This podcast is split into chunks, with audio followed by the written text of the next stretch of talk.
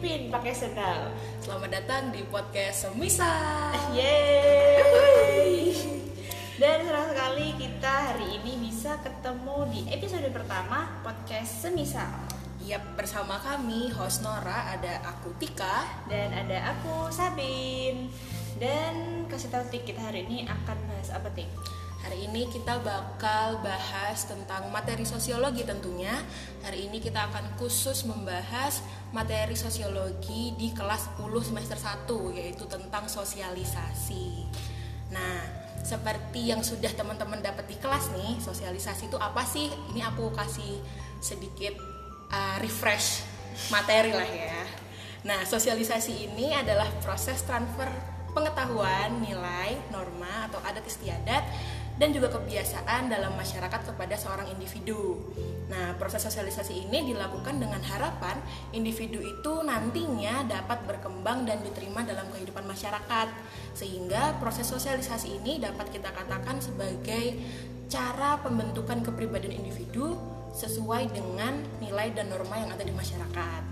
Nah, proses sosialisasi, sosialisasi ini terjadi pada seorang individu sejak ia kecil hingga ia dewasa dan berdasarkan bentuk sosialisasinya seorang individu ini mengalami beragam bentuk sosial, sosialisasi nih. Mulai dari sosialisasi primer, sekunder. Nah kalau sosialisasi primer itu adalah sosialisasi yang pertama kali didapatkan oleh seorang individu. Biasanya didapat melalui keluarga. Sedangkan untuk sosialisasi sekunder itu didapatkan melalui agen sosialisasi lain seiring dengan pertumbuhan anak. Misalnya teman di sekolah atau yang lain sebagainya. Nah, dan di dalam sosialisasi primer, di samping sosialisasi sekunder yang tadi sudah disebutkan Dika, nah di sini ini setiap orang memiliki proses yang beda-beda. Nah, berdasarkan jenis anggota keluarganya, keluarga itu bisa dibedakan jadi dua. Kita mungkin sudah belajar ini di di kelas sama guru yaitu ada keluarga inti atau kita juga bisa sebut itu sebagai nuclear family dan keluarga besar atau extended family. Nah, kalau khusus keluarga inti ini dia terdiri dari seperti yang kita tahu ada uh, suami atau bapak, istri atau ibu bersama anaknya. Nah, sedangkan keluarga besar itu ya keluarga dari sanak saudara kayak ada Simba, tante, om, gitu gitulah. Kita semua pasti uh, mengalami itu punya itu. Betul. Nah, tapi di dalam faktanya nih di lapangan, di kalau kita keluar rumah dikit tengok tetangga kanan kiri bahkan sedekat itu uh, suatu keluarga ini yang terbentuk di masyarakat kita atas dasar perkawinan di dalamnya sering kali terjadi uh, apa ya dinamika gitu iya betul uh, dan nggak nggak nggak menutup kemungkinan juga dia bisa berujung pada uh, kesepakatan untuk bercerai hmm. atau perpisahan dan sebagainya gitu nah hal ini tentu sangat berkaitan dengan proses sosialisasi dan pertumbuhan individu yang uh, mengalami dampak tertentu dari dinamika keluarga yang dialami kayak gitu. Nah, untuk tahu gimana keterkaitan antara uh, dinamika di dalam keluarga itu dengan proses sosialisasi dan tahapan perkembangan individu secara lebih mendalam dan secara sosiologis tentunya. Nah, kita bisa simak uh, cerita dari kawan kami yang sudah hadir hari ini. Kasih tahu nih. Betul, hari ini kita sudah kedatangan salah satu kawan kita uh, namanya Mbak Yulia uh, Mbak Yulia ini adalah mahasiswa dari pendidikan sosiologi UNY teman kita sendiri ya kak ya? Iya, Universitas Negeri yaitu iya betul sekali. Oke halo Mbak Yulia. Halo. Halo. Nah mungkin Yulia bisa nih perkenalan ke teman-teman pendengar kita Halo teman-teman pendengar podcast apa tadi ya? Semisal. Oh semisal. uh, perkenalkan nama saya Yulia. Saya uh, sedang menempuh studi di Pendidikan Sosiologi UNY. Gitu kak? Semester berapa mbak? Semester 7 Akhir-akhir nih. Waduh banyak ya. Sudah tua. Berarti sekarang kesibukan belakangan apa nih? Masih menjalani praktik kependidikan di sekolah dan KKN di rumah kak Kok di rumah? iya di rumah sekarang KKN-nya kan di rumah masing-masing Corona ya mbak? iya corona Enak enak online. KKN-nya online Nyata tapi online gimana tuh? Itulah dinamika kehidupan. Hai. Oke, hari ini Yul kita bakal bahas soal sosialisasi nih. Jadi sebelum kita bahas lebih jauh, kayaknya kita perlu mendengar cerita seorang Yulia nih. Gimana tumbuh kembang Yulia dari kecil sampai sekarang mungkin bisa diceritain proses sosialisasinya juga mulai dari keluarga sampai tahapan-tahapan lain sampai sekarang kayak gitu. Eh, baik, eh, terima kasih atas waktunya Kak Tika dan Kak Sabin. Eh, pada hari ini saya mungkin bercerita sedikit atau mah nanti melebar juga apa-apa ya. Apa? Jadi eh, masa-masa kecil saya itu masih terbilang baik-baik saja. Nah, mulai tidak baik-baik saja itu kelas 1 SD. Mungkin TK ya, TK peralihan ke SD itu eh, mulai tidak baik-baik saja karena yaitu ayah dan ibu saya kan sempat konflik dan akhirnya berujung ke perceraian. Nah, jadi eh, sosialisasinya waktu saya kecil itu kayak gimana ya sempurna gitu loh kak. Eh, dapat kasih sayang iya dapat arahan kamu harus berperilaku seperti ini iya. Nah mulai TK ke SD kelas 1 itu saya mulai kayak dilepas. Nah jadi kayak tidak diperhatikan oleh orang tua saya nggak tahu nih ini saya berperilakunya baik Harus atau tidak gitu Oke. ya terus saya eh, dapat sosialisasinya tuh malah justru dari tetangga.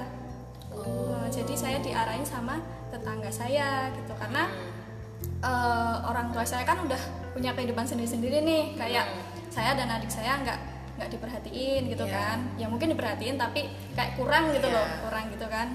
Eh, jadinya saya dapatnya dari tetangga itu. Tapi kan mau gimana pun sosialisasi itu yang utama adalah keluarga kalau dari tetangga kan tidak bisa sampai harus dalam banget gitu kan nggak bisa nggak intens gitu Iya, ya, nggak 24 intens. jam gitu. betul kayak gitu kak terus mulai me- menjelang remaja itu wah kalau dikatakan sosialisasinya tidak sempurna benar-benar tidak sempurna sekali Apa itu?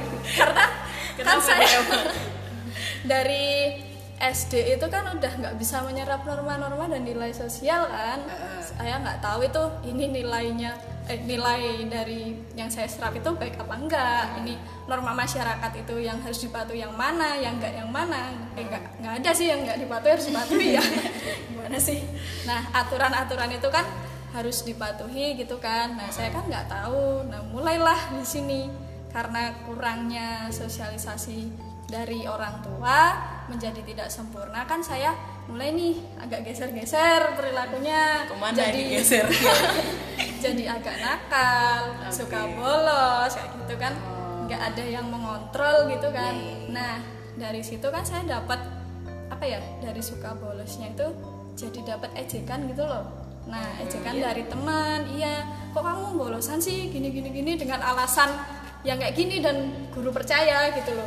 Kok bisa gitu kan? Karena saya eh, melampiaskan itu kayak gimana ya kak? Wah aku bisa bolos seneng banget gitu loh. Oke. Kayak gitu kan. Jadinya eh, kalau berperilaku seperti itu kan saya dapat ejekan. Nah ejekan itu malah justru membuat saya eh, jadi minder. Nah, Oke. jadi minder itu. Nah di sini kayak jadi poin gitu loh. Kalau sosialisasi tidak sempurna itu dampaknya bisa ke pergaulan ke orang-orang sekitar jadi apa ya nggak luas gitu karena Iya, kitanya iya, iya. jadi kurang percaya diri Iya. mudah kecewa bimbang gitu Intinya ada perubahan lah ya di situ. Kayak gitu Oke oke.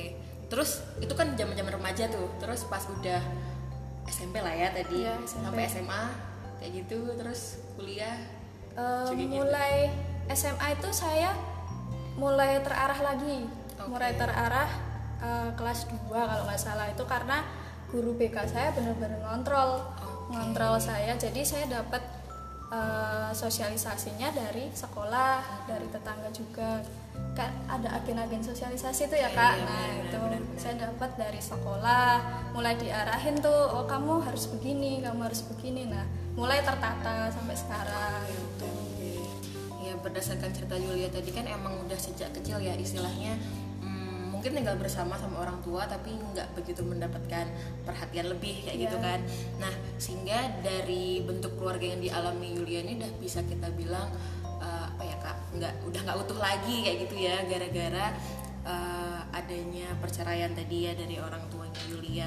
Jadi dari perceraian ini juga kita eh, bisa lihat bahwa dalam satu keluarga itu kan pasti ada ada susunannya ya, ada peran dan fungsinya tertentu. Nah, dikala sudah terjadi perceraian, otomatis ada peran yang hilang kayak gitu loh dan mau nggak mau ada perlu ada yang menggantikan kayak gitu. Misal eh, misalnya bapak ibunya cerai terus habis itu eh, anaknya tinggal sama ayahnya otomatis peran ibu di sini itu didobel sama ayahnya gitu kan pada umumnya ya seharusnya seperti itu. Nah terus eh, kita juga bisa dari perubahan itu pasti ada fungsi-fungsi keluarga yang nggak berjalan dengan baik. Tadi seperti Yulia bilang eh, afektifnya jadi kurang dapat terus nggak dapat kontrol pendidikan dan lain-lain gitu juga ya Kak Sabin ya. Nah kalau kita ngomongin soal fungsi keluarga tadi juga sudah sempat disinggung sama Tika ada banyak nih tadi salah satunya disebut fungsi eh, afeksi atau berkaitan dengan apa ya kasih sayang. Kasih nanti ujungnya ke sikap gitu ya kan sama kemudian ada juga fungsi ekonomi fungsi edukasi dan sebagainya. Nah lalu setelah bercerai tadi kita juga sudah sempat dengar proses pola asuh yang dilakukan oleh orang tua. Tadi disinggung Mbak Yulia sedikit boleh di didetailkan lagi nggak Mbak Yulia? Eh, setelah bercerai ini kehidupan bukan kehidupan apa ya? Eh, kesepakatannya gimana? Kemudian dalam keluarga si si berapa bersaudara kalau boleh tahu satu berarti. Eh kalau punya adik tuh berapa? Dua oke dua. dua bersaudara maaf maaf. Berarti dua bersaudara ya? Nah setelah itu kesepakatannya gimana nih dalam eh, tetap menjalankan apa ya? Kehidupan ini gitu. Misalkan biasanya kalau perceraian gitu ada hak asuh anak gitu ya kak. Nah itu gimana nih kalau dari pengalaman Yulia sendiri? Eh, dulu waktu masih ya saya kan ikut ke pengadilan ya jadi tahu. Oh ikut juga? Iya ikut. Saya ikut juga. Ikut kecil itu ya iya tapi tapi saya di di luar sih Oh, oke. nggak nggak masuk ke pengadilannya nggak ada ditinggal. Masih bayi. Terus terus terus. Nah itu kan aduh sampai mana tadi lupa. Ikut ke pengadilan. Ah, ikut Nah, pengadilan. Bukan yang seterusnya. Dia di luar pembagian hak asuh. Oh iya pembagian hak asuh. Jadi eh, sebenarnya dari kalau nggak salah sih dari pengadilan itu hak asuhnya kan ke ibu. Karena kan saya masih kecil, Kecil. adik saya masih kecil. Tapi posisinya itu eh, ibu saya kan dulu ibu rumah tangga. Mm-mm. kalau langsung kerja itu kan belum dapat itu loh kak. Oh. Langsung penghasilannya banyak kan belum. Iya. nah takutnya itu anak-anaknya nanti sekolahnya terhambat. Jadi eh, ayah saya sama ibu saya tuh bersepakat kalau eh, selama saya menempuh pendidikan dan adik saya sekolah itu di bawah ayah saya dibiayain sama ayah saya. Nah nanti setelah sudah selesai itu terserah mau ikut ayah atau ibu kayak gitu. Setelah sudah selesai sekolahnya. Hmm, sudah. Kayak saya kan bentar lagi kuliahnya selesai nah itu terserah mau ikut ayah atau ibu kayak gitu kesepakatannya. Nah sekarang kalau adik saya itu kan ikut sama ibu tiri saya. Kalau saya sama bapak gitu kan tapi saya nggak tahu sih pola asuhnya adik saya tuh kayak gimana karena Oke. kita agak jauh rumahnya Ha. kalau saya pribadi ya gimana sih pola asuhnya kayak apa ya yang agak ditekan itu autoritarian atau apa oh iya bisa sih Iya kan? iya iya. itu itu kak Nah, apa? eh, berarti di sini kan biasanya ya di umum-umumnya kan biasanya dibagi nih dalam uh, keluarga misal uh, ayah itu lebih memenuhi kebutuhan ekonominya. Terus habis itu mungkin pendidikan lebih banyak dipegang sama ibu kayak gitu. Nah kalau berarti Yulia selama ini dalam menempuh uh, pendidikan kayak yang bantuin belajar siapa yang ngontrol kamu belajar siapa? Kalau pas kecil sendiri benar-benar sendiri. Oke Jadi, mandiri sekali. kayak apa sih otodidak ya? Sendiri. Soalnya kan simbah juga kalau bisa pun ngajarin cuma bahasa Jawa kan kalau simbah. Jadi kalau untuk mata pelajaran yang lain ya mau nggak mau saya belajar sendiri gitu. Kadang tanya ditanya sih sama teman-teman yang masih keluarganya masih utuh itu kan dia pasti dikasih tahu sama ibunya gini-gini. Nah itu kan dulu saya punya temen deket banget jadi dia yang ngajarin mantap ya. Sangat mandiri. Nah terus tadi Julia udah sempet uh, ngomong sih tadi cerita soal uh, ada perbedaan apa ya sikap dan kepribadian yang kamu rasakan setelah dan sebelum eh, setelah dan sebelum orang tua Yulia bercerai. Nah kamu bisa ceritain lebih banyak lagi nggak apa sih kepribadian apa sih yang paling berbeda dari kamu setelah dan sebelum orang tua bercerai? dulu waktu sebelum orang tuaku bercerai itu eh, sikapku tuh kayak gimana sih? Pede aja gitu loh. Sama orang ya ngobrol-ngobrol aja gitu. Cuma emang emosionalnya kan dari kecil nggak nggak terkontrol. Nah itu kan sampai sekarang masih belum bisa aku kontrol kan. Nah setelah bercerai itu eh, jadi gimana sih? Agak minderan gitu loh. Jadi takut gitu loh.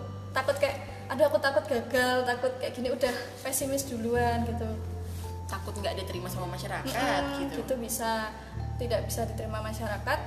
Kayak gimana sih? Aduh aku mau bertindak kayak gini. Tuh mikirnya banyak gitu loh kak. Kalau dulu kan sebelum orang tua aku percaya ya udah kayak gini ya. Iya. karena aku gini aja gitu loh. Kalau sekarang tuh harus mikir dua sampai tiga kali. Gitu. kayak Uh, salah satu fungsi keluarga kan juga sebenarnya untuk menciptakan rasa aman dan nyaman ya kak. Nah mungkin karena perceraian ini juga kamu jadi ngerasa sedikit bingung mau mencari perlindungan ke Iya, siapa gitu kan ya. bingung Iya benar-benar. Nah terus berarti kan eh, setelah itu setelah ada keputusan untuk bercerai di di dalam keluarga itu eh, artinya berarti Yulia punya proses sosialisasi yang sedikit berbeda dari teman-teman yang lain gitu. Ya walaupun sebenarnya tiap-tiap kita emang punya khasnya sendiri ya beda-beda gitu dengan kondisinya masing-masing. Nah terus tadi juga sempat cerita sih di awal Yulia soal eh, apa ya proses sosialisasi yang dialami Yulia selanjutnya di lingkup-lingkup lembaga sekunder di luar keluarga seperti tadi di sekolah itu. Tadi Yulia juga sempat cerita juga bahwa eh, kemudian yang berkaitan dengan emosionalnya, dengan psikologisnya itu jadi eh, proses terbentuknya itu nggak nggak nggak utuh. Jadi kayak yang tadi diceritakan ada sempat kebingungan, sempat nggak tahu harus ke mana dan sebagainya gitu. Nah mungkin boleh diceritain eh, lagi nggak Yul boleh bagi lagi nggak soal hmm, hal-hal di luar lembaga keluarga dinamikanya itu seperti apa misal tadi kan kalau di di SMP SMA eh, kan ada nih sempat jadi suka bolos gitu misalnya. Nah ada nggak sih hal-hal lain selain itu di lingkungan-lingkungan yang lain misalnya? Kayak gimana yang Di berkaitan rumah misal. Eh, di lingkungan apa sih ini apa? rumah itu lingkungan apa ya namanya? Ya? keluarga di luar keluarga artinya lebih lebih luas koyo di eh, desa. Ini lebih ke apa sih sikapku atau apanya nih kak? Bingung. Ada ham- hmm, hambatan yang kemudian kamu rasakan eh, di dalam proses sosialisasimu nih Oh. dalam mencerna hal-hal di luar lembaga masyarakat Mhm. selain keluarga gitu? Hambatannya kayak saya takut takut nggak nyambung ya? Gimana ya? Coba saya bingung. Hambatannya kan dalam saya bersosialisasi di masyarakat Iya. itu kan intinya ada sih hambatannya jadi itu ya kan pertama saya jadi takut kan Iya. minder sama orang-orang di sekitar tapi alhamdulillahnya di desaku itu orang-orangnya kan apa ya, baik gitu loh cukup jadi semrawung gitu. Heeh. ya gitulah. Jadi aku rasa sih nggak ada hambatan kalau sosialisasi di di lingkungan masyarakatku ya. Tapi kalau di sekolah itu ada. Apa? Kayak jadi iri gitu loh kak. Oh. Iri gitu kayak lihat eh kok dia dijemput sama ayah ibunya? gitu. Terus aku jadi jadi minder. Ka- kalau nggak minder ya dendam gitu loh. Oke. Kayak kok cuma aku doang sih yang kayak gini? Kok dia enggak? Aku kan juga pengen gitu. Nah jadi malah gimana sih sosialisasiku sama anak itu malah nggak bisa deket gitu loh. Oh. Jadi karena terbayang-bayang masa lalu kan jadi kayak ada gap yang tidak terlihat gitu ya sebenarnya. Kayak ada sekat gitu loh. Benar benar benar benar. Terus ini juga nggak sih? Kan biasanya ya berdasarkan beberapa cerita dari teman-temanku juga yang mirip kayak Yulia banyak yang bilang semenjak perceraian orang tuanya jadi jauh lebih introvert.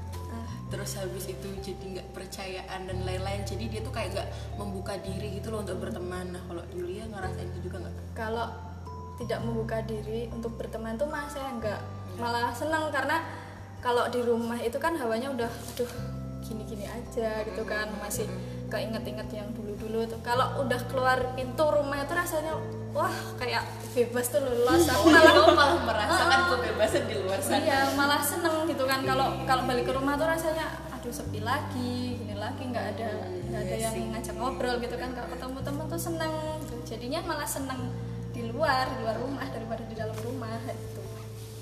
Iya sih betul juga ya kak. Di rumah sama kucing gak sih iya sama kucing. sama sama kucing. Benar benar benar nah terus eh, kita Julia juga mungkin eh, sering kali dengar ya soal stigma di masyarakat di luar sana soal eh, anak-anak broken home gitu kan. Biasanya dibilangin eh, ini anak nakal nih bandel. Terus kayak ya tadi introvert juga. Bahkan dibilangin anak-anak broken home ini nggak mungkin pinter deh. Kayak gitu kan. Kadang-kadang ada stigma-stigma yang kayak gitu. Dan bahkan menurut studi juga eh, salah satu penyebab dari perceraian eh dari perilaku menyimpang atau kenakalan remaja itu pada umumnya juga terjadi karena pengaruh dari perceraian orang tua gitu. Jadi juga ada eh, pemikiran dari masyarakat yang melanggengkan stereotip gitu loh. Kalau orang-orang yang eh, anaknya itu broken home itu jadi wajar kalau misalnya dia nakal kayak gitu. Nah menurut Julia sendiri nih pendapatmu soal stigma stigma orang-orang broken home di luar sana gimana? Kalau aku pribadi sih ini ke aku dulu ya kak. Jadi yang namanya stigma apalagi anak broken home itu pasti ada. Itu pasti ada karena saya juga mengalami sendiri. Kayak sebaik-baiknya masyarakat itu pasti ada yang nggak suka gitu kan tetap ada. Nah itu saya pernah sih dapat stigma nggak usah temenan sama dia. Nanti kenapa? iya nggak usah temenan sama dia dia dia nggak keurus gitu kan nanti kamu ikutan bodoh gitu pernah saya dapat kayak gitu. Itu umur berapa? Masih kelas 2 SD wah. Kelas 2 SD udah. Tapi saya tuh kayak cuek aja gitu loh. Ya udah terserah orang aku kayak gini. Terus ada yang bilang kamu tuh nggak pernah diperhatiin sama orang tua nanti nggak bisa berkembang dengan baik. Gitu. Ada. Ngomong langsung. Iya ngomong langsung. Orang tua. Orang tua. Oh kirain temen sendiri Yun? Enggak ada sih teman cuma dia ngomongnya di belakangku. Di kan biasanya kan kadang anak-anak masih kecil kan ejek-ejekan eh kamu gak punya bapak ya? Kayak gitu kan. Banyak kan nonton sinetron mah enggak sih kalau tapi beneran ya itu. kalau temanku sih enggak. Oke. Tapi juga ada tapi dari belakang gitu loh kak. Dan aku dengar dari orang lain gitu. Tapi ya udah sih nggak apa-apa. orang tua pun nggak nggak terlepas ya dari perilaku perilaku kayak gitu. Orang tua juga melakukan. Eh, kalau ya kalau orang tua aku sih ya gitulah kak jadi gimana sih malah aku sama orang tua aku tuh nggak deket gitu loh. Kayak aku self bener-bener sendiri banget gitu kan. Dapat perhatian orang dari orang tua tuh malah dari orang-orang terdekat kayak tetangga gitu malahan. Kayak mereka nganggapnya ya udah kamu kayak anakku gitu. Nah kayak gitu. Nah terus eh, ada sih aku punya teman itu dia juga anak broken home tapi ya emang bener yang namanya stigma itu nggak bisa lepas. Di Iya. masyarakat tuh realitanya bener-bener nggak bisa lepas gitu. Bahkan malah bisa jadi kayak ah udahlah stigmanya kayak gini aku ngikut begini aja lah. Gitu nggak sih kadang-kadang? Kadang ada juga yang sampai eh, melampiaskannya itu kan terlalu dalam kan dia jadi nakal terus dia menyalahkan orang tuanya. Aku nakal juga gara-gara orang tua aku cerai gitu kan ada tapi itu kan sebenarnya tergantung dari anaknya sendiri atau kamu mau hidupnya lurus aja atau mau belok-belok kan anaknya sendiri kan yang menentukan. Nah, kalau aku sih milihnya gini orang tuaku udah pisah itu kan stigmanya udah jelek lah di masyarakat. Nah aku tuh harus bisa memperbaiki itu gitu loh kak. Dengan aku membuktikan kayak aku sekarang kuliah itu kan karena pengen ngangkat derajatnya orang tua gitu loh. Karena pernah di masa-masa dulu ya dapat omongan kanan kiri gitulah terus aku dapat stigma aku nggak bisa tumbuh dengan baik itu kan pengen tak tepis gitu loh. Oh. Jadi itu tergantung anaknya sendiri sih mau mau pilihannya dia mau lurus aja apa belok-belok itu terserah. Tapi ini ini ini sebuah testimoni ya tipuan testimoni kita udah tujuh semester nih satu kelas sama sama Yulia. Nih. Dari cerita yang tadi di awal Yulia cerita apa ya lika-likunya dalam- Dinamika. dalam dinamika keluarga yang yang unik lah dalam masyarakat ini. Dia termasuk satu yang mengalami dinamika yang eh, cukup wah lah nih ombaknya. Eh, tapi aku pribadi sebagai teman satu eh tujuh semester ya. Nih skripsi. Tujuh semester semester sama Yulia aku pikir kalau Yulia nggak pernah cerita itu aku bahkan nggak tahu. Iya. Karena sama sekali eh, aku melihat dia alah kalau kalau teman-teman teman-teman kelas eh, memperhatikan kembali teman-teman di kelasnya masing-masing pasti ada nih temen yang dia sangat rajin untuk mengingatkan tugas. Nah itu adalah Julia memiliki semangat juang yang tinggi. Iya dan kalau nggak pernah cerita aku nggak pernah tahu bahwa ternyata dinamika keluarga yang dialami Yulia kayak gini. Maksudnya hari ini aku nggak nggak melihat secara kasat mata gitu secara perilaku sehari-hari bahwa oh gila ada broken home nih? Ini sama sekali nggak kelihatan. Iya, betul. kalau yang aku lihat hari ini sih nah eh, tapi masih nyambung soal yang tadi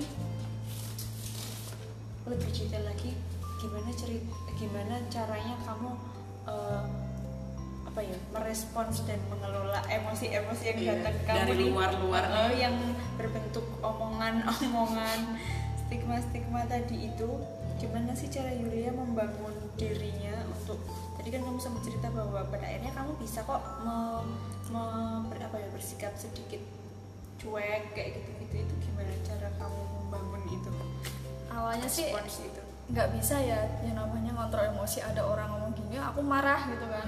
Marah sampai benci sama dia berhari-hari atau bisa itu sampai seterusnya itu bisa. Tapi semakin ke sini yaitu alhamdulillahnya dapat arahan kan dari tetanggaku yang deket sama aku kamu kalau uh, jadi anak jangan kayak gini ya itu nggak nggak Iya. baik kayak gitu kan. Nah semakin ke sini tuh uh, ngelola emosi emang susah ya kak. Itu kan emang dari apa ya kayak bawaan gak sih? Itu orang biasa aja juga Iya. susah. susah gitu kan. Apalagi ada dinamika harusnya lebih. Nah itu kan jadi aduh ini aku gimana cara ngelolanya tuh bingung banget aslinya. Terus nggak tahu kenapa semakin dewasa itu kayak kebal gitu loh telingaku tuh. Karena udah terlalu sering oh, gitu terlalu ya. sering kan. Udah males gitu kan kayak eh, urusanku sendiri aja udah banyak kenapa mau ngurusin orang lain gitu kan? Jadi males nggak tahu kayak di hatiku tuh ya udahlah biarin nanti juga hilang sendiri dia ngomongin kayak aku kayak begitulah gitu. Jadinya cuek gitu. Tapi juga banyak teman-teman deketku yang bilang ah dicuekin aja orang nggak penting nggak punya kerjaan gitu. Nah itu malah tapi sampai sekarang jujur ngelola emosinya belum baik. Masih kadang suka langsung des des ngomong langsung di depan orangnya nggak merhatiin itu aku nyakitin dia apa enggak kayak gitu itu masih belum aku bisa kontrol gitu loh kayak jadi eh, apa ya emosionalnya tuh belum terkelola terus malah jadi gerusah-gerusuh tuh loh Kak.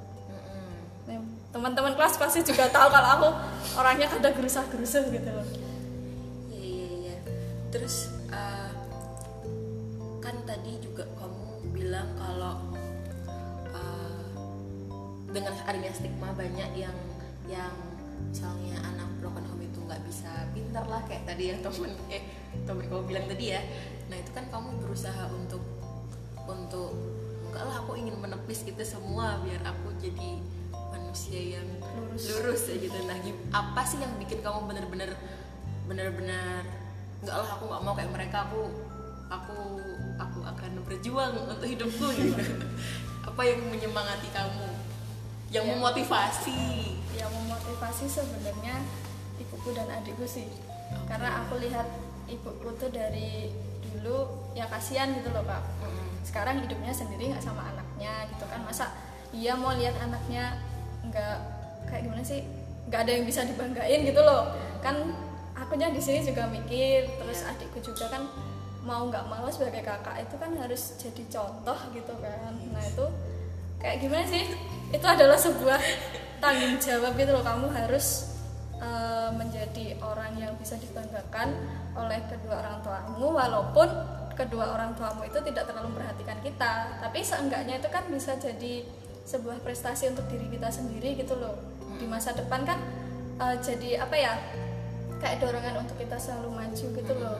Walaupun kita berasal dari keluarga yang broken home itu tuh nggak masalah aslinya gitu as- eh, yang penting tuh apa ya kita tuh harus bisa menentukan sebuah pilihan lah intinya gitu. Melanjutkan kehidupan yang Iya. lebih baik gitu ya. Jangan jangan sampai eh, perceraian itu terulang di diri kita atau anak kita atau cucu kita besok. Jadi kita harus meluruskan itu kayak begitu. Visioner. Oke oke.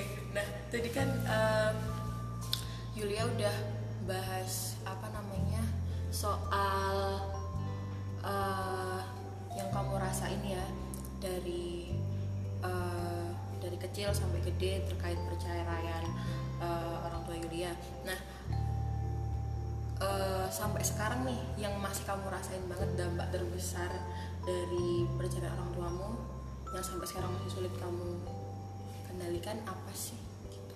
Hmm, psikologisnya sih kena banget psikologisnya kena banget jadi ketemu orang tua tuh kayak nggak mau gitu loh hawanya tuh. Karena hubungan sama orang tua juga masih belum baik-baik Heeh, saja belum gitu baik ya. aja masih kayak renggang gitu kayak mikir aduh ini orang tua udah punya kehidupan sendiri-sendiri masa aku enggak gitu kan. Jadi kalau mau apa ya dibilang mau deket sama orang tua tuh susahnya minta ampun di masyarakatnya tuh juga masih ada sih kayak ya aku kan punya itu oke nah, iya benar punya itu kan nah itu pernah ada yang bilang kok mau sih sama dia? Nggak takut kok nanti perilakunya jadi begini. Nah itu kayak stigmanya masih tertanam gitu. Loh. itu rasanya aduh ya itu dari orang-orang sekitar rumah tuh? Ya adalah pokoknya. Oh, oke. tapi ada bilang gitu kan. Aduh ini orang tidak mau berkembang atau gimana gitu loh. Nggak nggak lihat aku kayak gimana beda banget gitu loh dari orang tuaku lah gitu. Oke oke oke. Nah, tapi ngomong-ngomong soal perceraian sih ini memang sudah sudah ada sejak dulu ya. Kapan ya kira-kira ya pertama kali perceraian di dunia ini ya? Kalau kita tengok data dari BPS itu BPS Indonesia angka perceraian dari tahun 2015 sampai 2018 itu dia dia meningkat terus dan angka tersebut mencapai jumlah 408.202 Wah, Waduh. apa tuh? banyak banyak ya. banget Se- sekian kasus itulah nah kalau dianalisis melalui sebaran wilayah provinsi eh, Jawa Timur, Jawa Barat sama Jawa Tengah itu daerah yang tingkat perceraiannya perceraiannya tinggi dan kalau dilihat dari angkanya hal ini berbanding lurus nih sama eh, demografi ketiga provinsi yang populasinya memang besar di situ kayak gitu. Nah di masa pandemi ini sekarang ini eh, Direktur Jenderal Peradilan Agama Mahkamah Agung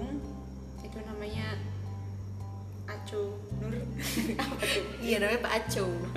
Pak Aco ini dia sempat eh, menyampaikan bahwa saat awal penerapan PSBB di bulan April itu April Mei 2020 perceraian di Indonesia itu di bawah 20.000 kasus tapi eh, masuk bulan Juni Juli 2020 jumlah tingkat perceraian itu jadi 57.000 kasus meningkat Banyak ya banyak. Nah, dengan demikian pula jumlah anak yang terdampak dari perceraian orang tua itu Pastinya semakin banyak semakin ya. banyak juga gitu. Iya benar. Nah, karena kita lagi ada di podcast semisal nih, jadi kita ingin mengajak seorang Yulia untuk eh, berandai-andai.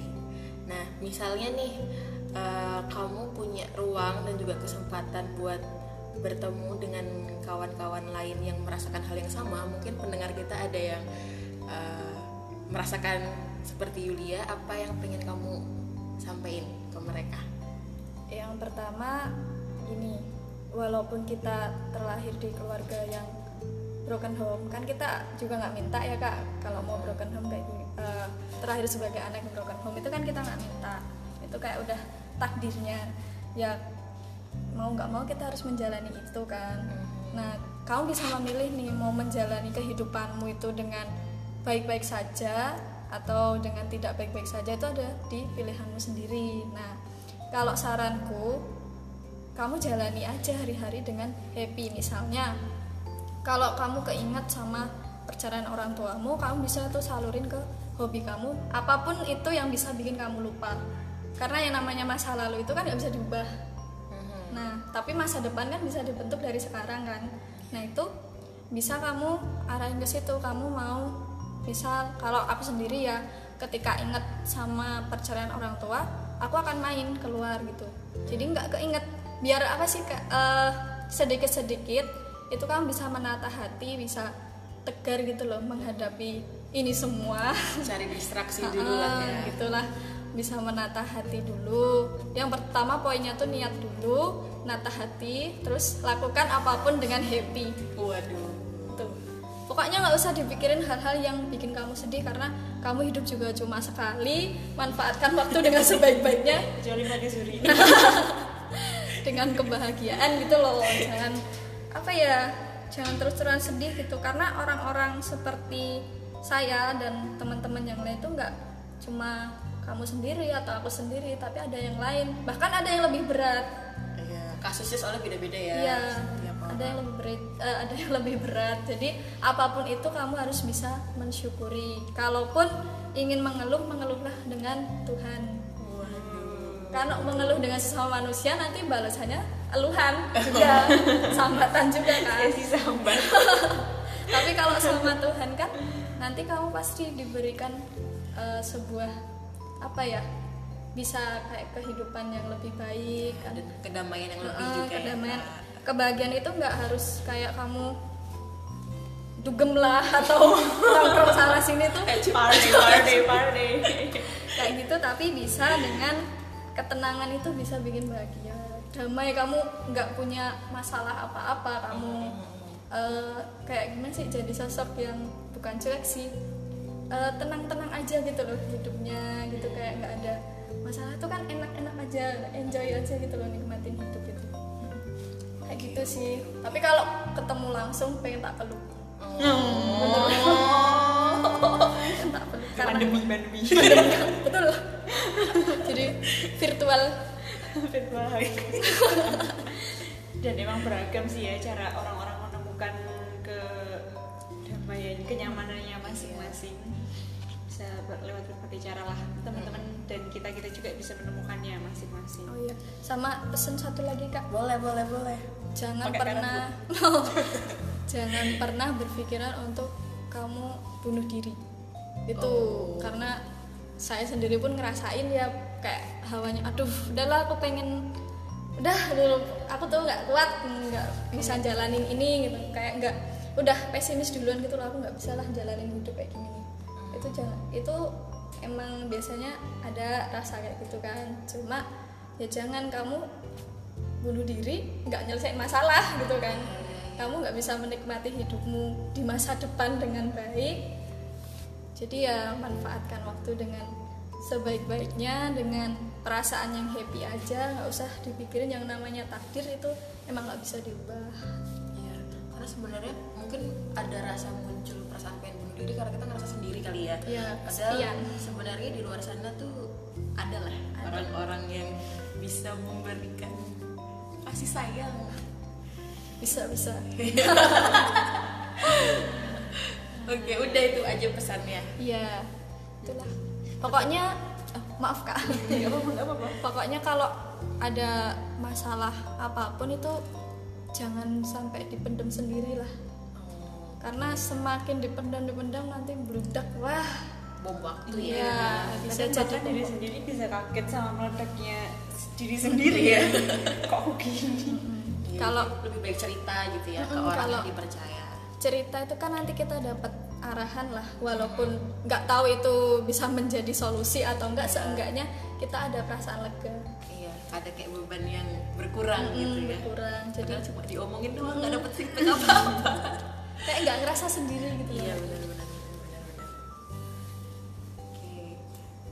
Apa Bin? Gak sih, aku lagi memikirkan aja. Eh, berarti sebisa mungkin kita temukan alasan lah untuk tetap bertahan hidup Coba dilihat sekitarmu apa ya? iya. Ini semua orang loh nggak harus Iya, iya, punya benar. konsep uh, mengalami broken home juga semua orang. Mm, maksudnya semua orang itu. punya titiknya masing-masing lah. Nah kebetulan eh, Yulia ini ada di dinamika keluarga kayak gitu. Nah eh, kalau kita dari pembahasannya dari awal, kita sepakat bahwa keluarga itu em, dia jadi lembaga yang punya peran penting gitu dalam proses sosialisasi seorang individu. Kita lahir eh, ya langsung sama keluarga gitu kecuali mungkin Tarsan ini. Ya sama sama keluarga juga itu. iya sih. Iya betul. tapi kan ya oke lah. Bantulah temennya. Agak gak dapet. aduh skip skip skip. Oke Lanjut. terus habis itu nah dia keluarga ini emang agen yang langsung ada langsung hadir ketika kita lahir kayak gitu.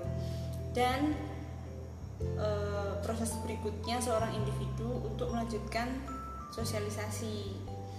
Dan juga sudah dibahas di keluarga itu juga punya banyak fungsi dan peran dijalankan masing-masing anggotanya dengan strukturnya, dengan pembagian kerjanya tiap keluarga yang mungkin beda gitu.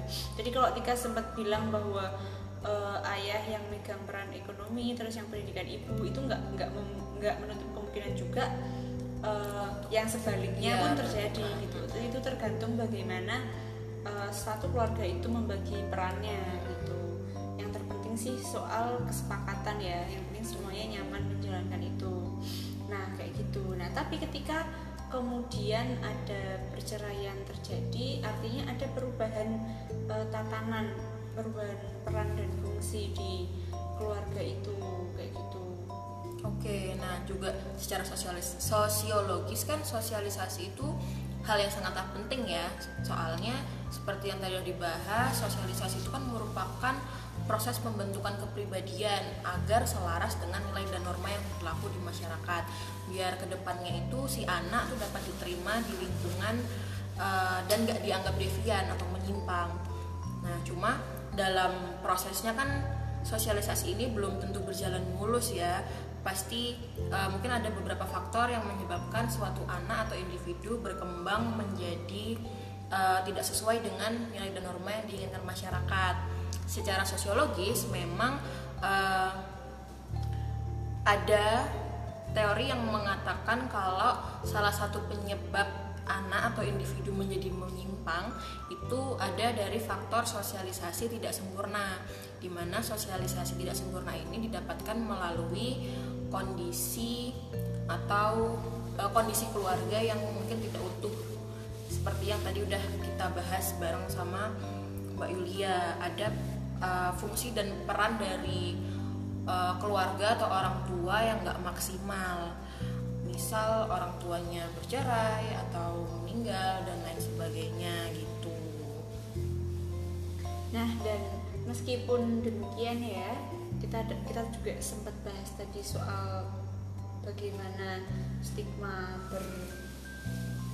berlanjut di suatu masyarakat kita kita nggak bisa terus-terusan menggeneralisasi begitu saja uh, adanya stereotip dan stigma-stigma negatif itu.